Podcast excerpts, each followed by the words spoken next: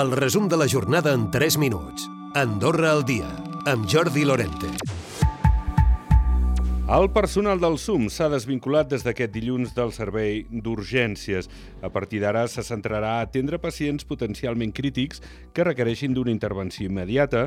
N'ha parlat la cap del servei d'urgències mèdiques, l'Ivet Ruiz. La, la cosa primordial i el, pel fet que s'ha fet això és per intentar que aquest servei, que aquest equip no faci tasca assistencial i els pacients no es quedin penjats no? quan l'equip marxava i el pacient es quedava una mica eh, a expenses de que els companys el poguessin atendre o que vingués l'equip o cosa que feia no? que al final els pacients aquí necessitem tenir un sistema de drenatge fàcil.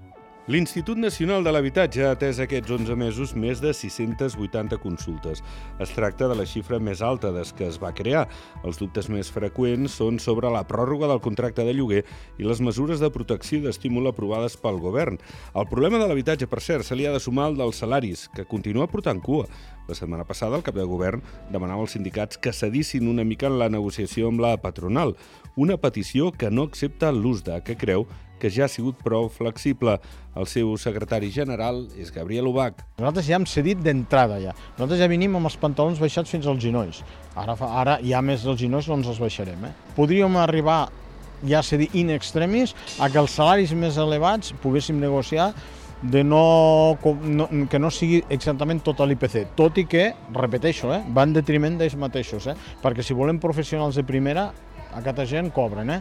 Vull dir, una gent que s'ha preparat, que ha estat 10 anys estudiant medicina o ha estat estudiant d'altres carreres i que té una vàlua, es fa dir sí senyor, eh? D'altra banda, FEDA destinarà 35 milions d'inversions l'any que ve.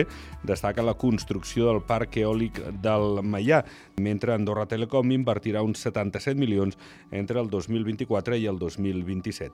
I Gran Valira Resorts ha ajudat un miler de treballadors a trobar allotjament i és conscient que haurà de mantenir aquesta línia.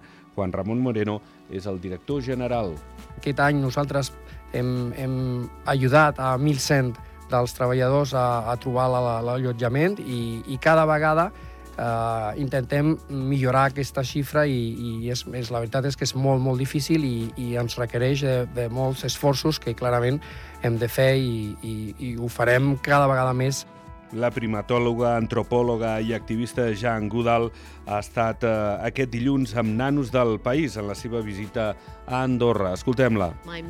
El meu principal motiu per tenir esperança és el compromís i la determinació de la gent jove. Arreu del món on vaig, els veig arromangant-se i entrant a l'acció, marcant la diferència.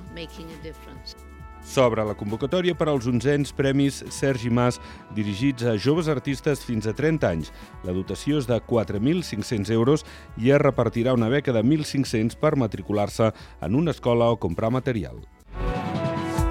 Recupera el resum de la jornada cada dia a AndorraDifusió.d i a les plataformes de podcast.